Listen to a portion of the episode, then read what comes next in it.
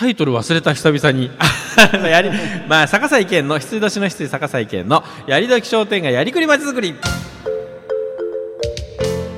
もうね息息を吸ったまでは良かったんですけど。こんなにエコー聞いてたっけ？そうそうそうそう。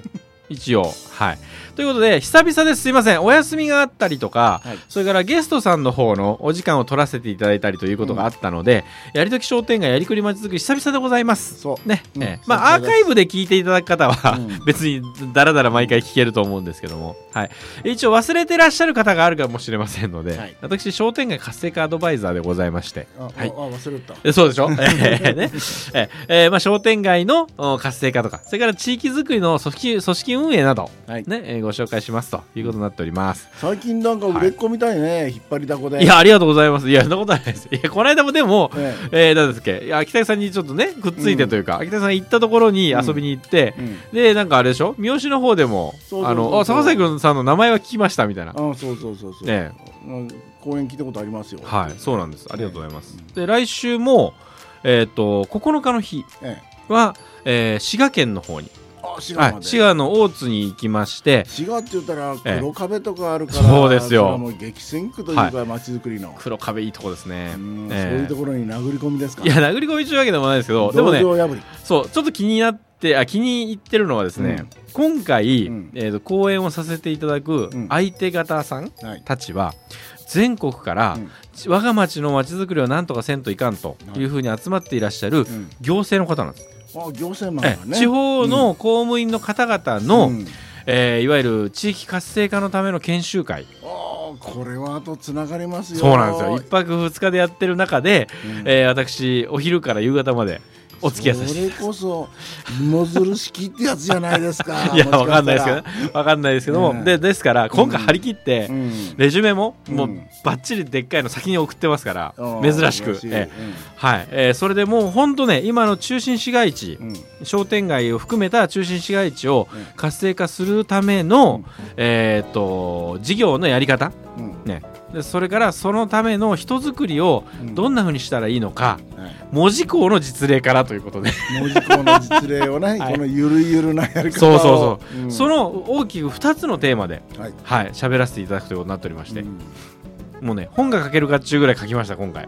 素晴らしい。うん、で、まあ、やらせていただきます。はい、あの皆さんの街でも。別にあのあれですよ、えーち小さな街小さな商店街から大きなところまでどこでも行きます。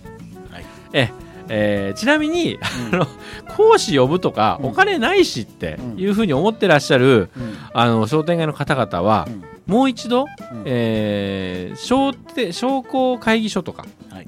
えーそれから商店街の、えー連合会であります、ん。中央会各県にあります、はい。えそこに相談をされてみるとうん。大抵出ます講師を呼んで、えー、と研修会をやるっていうお金はですね実は山ほど用意されてるんですよ、えー皆さんがお使いになってないだけなんです、なるほどね。はい。えーそれを使えば私どこへでも あの、ね、皆さんの懐を痛まさずにうん。え痛めずに私も行くことができますから、うん。はい、呼んでください ということでございますが。さて、えー今話題商店街の中商店街中心市街地を活性化する5つのイベントというのを前ご紹介しておりまして、えーバルそれからマチコンをずっとご紹介してまいりました、今回は一点一品運動につきましてご紹介したいというふうに思っております。もう王道ですね。そうなんですよ、うん。ね商店街とか商店主うん。ねえーお店を活性化するもう、えー本当に原理原則、うん。ね、大前提となっておりましたが割と取り組んでいらっしゃらないんですよね。はい。意外とねそう。難しいそうなんです。難しいとこあるんだ一ろうね。点一品一つのお店。ごとに自分の店の一番ね、えーうん皆さんにご紹介したい商品はこれですサービスはこれですと、うん。ね。えーそれからメニューはこれですっていうのを決めてそれを、まあえーお店にも掲示をしますし、うん。それからみんなで揃ってマップのようなものとか、うん。パンフレットのようなものを作りまして、うん。それを皆さんに配って来ていただくとうん。いうだけなんですよ。簡単なことじゃん。そう。と思います。うんね、でそれは自分のお店の売りというものを、うん。ね、まさにこれは秋竹正道のマーケティング講座にもつながるんですけど自分のお店の売りというものをうん。よその方にも紹介する、うん。自分たちももう一回再確認する、うん。ね、それによって、えーお店に来ていただく人を増やしましょうということなんです。この簡単なことがねえまたできないんですよ。うでね、うん。えー今まで一点一品に取り組まれた、えーお店商店街の方々が泊まる理由があるんです。はい。はい、それは大抵4月からうん。6月ぐらいに予算もつきます。つきます、ねだから自分たちもよ前の年前の年度に、ね、使い残した予算があったりして、はい。ね、じゃあこれで一点一品、ね、か各店で決めてパンフレットを作りましょうってやるわけですよ。うん。でそれでお金余ったお金とか助成金をいただいて、バーンとパンフレットを配ります。7月ね、夏休み前ぐらいにできました、うん。終わりみたいな。もうねで秋口に気がついたら、うん。パンフレットもこんなに残ってますねとかね、ええ。で4月は年度末ぐらいまでなってあの一点一品紹介したはええけどお客さん来たかいのとうんうんうん。いうことになってうん。翌年続かないとうん。いうことです。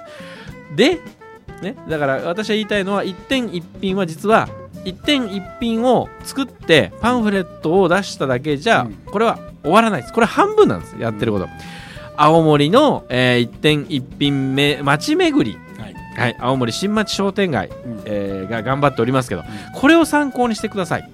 一点一品の同じように大体ね年度末1月から3月ぐらいにこの新町の商店街は、えー一点一品を決めます。はい、もうもう部会のように集まってえあんたんとこのこれもこれもいいんじゃないとかいうお互いの、えーアイデア出しもしながらうん。一点一品を決めます。はい。はい、でそれでパンフレットの原稿などを作りまして、うん。もちろん4月にパンフレット出来上がるんです、うん。いいものができますよ。こうあのページものになってまして、はい。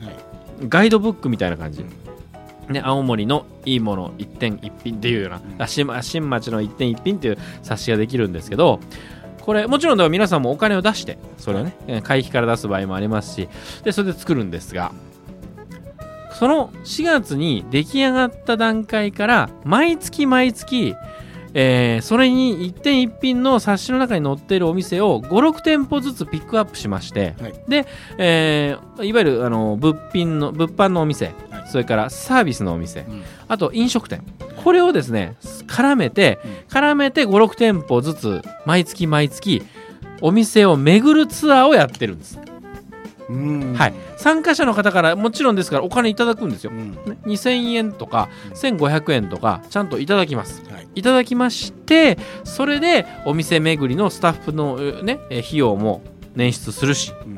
それからずっと皆さんを約1時間半から2時間かけてうんえ新町の商店街をを歩きながら、えーそのお店を順番に今回のお店はこういうお店ですよと。6店舗の6店舗回ります。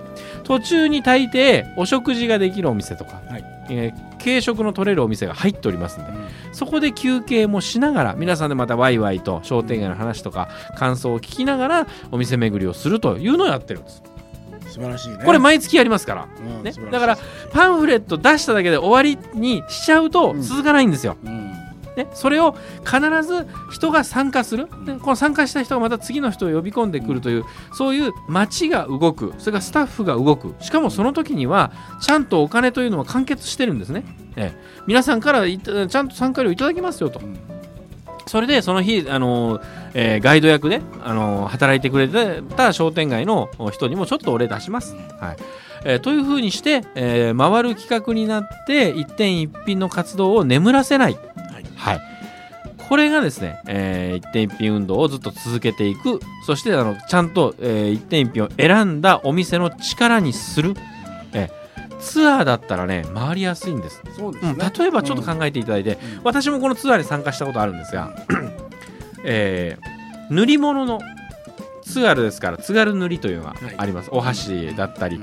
ね。えーそういう塗り物ですからちょっとだけ敷居が高いんですよね、本当はもっとあるんですよ。もうもういい生活用品のお箸からいろんなものまであるんですけど今年のこの塗り物のお店の一品はキセルだったんですおおはい。懐かしいね。今や鍵タバコというか、うん。ね皆さんあうん。のタバコは値上がりした関係で、うん。やはりえースモーカーの方はうん。どんどんキセルの方に移行したんですって。キセルとかねパイプにも行ってますそうなんです。えでそのキセルもだから塗り物でしょ。え、うん。えーここに津軽塗りがうん。使われている素晴らしいキセルがあってうん。これを一点一品に今年は選定したと、うん。ね、いうことになってるんです。そうするとそんなのを分かってもですよ、買うか買わんかもわからんのに店先まで行ってキセルをちょっと見ようかなってなかなかならないでしょ。な、らないね。ね、ならないけどツアーの時だったらもうじっくり見られるしうん。買わなくていいわけですから。ね。うん。ええ。えーでお店の人と話ができてついでにお店の中もうそのお店大体1店舗に、えー10分とか20分とかいますからはい。お店の中もじっくり全然おお客として行かなくていいわけです。参加者。ツアーの参加者ですっていうことで、えー行きにくいお店にも行けると。まあ見物ですからね。そうなんですよ、お店の人だって別に説明はどんどんするけど、うん。今日はこの人たちは買わなくてもいいうんっていうことは鼻から分かってますから。うん。そういうふうにするとお店のことよく分かっていただける。はい。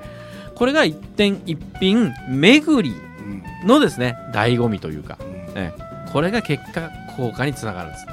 はい、ということで皆さんの街でも一点一品取り組んでみたいなとそれから一点一品取り組んだけどなんでうちの街は続かんかったんかな？あーなるほどということに気がついていただいた方もあるかと思います。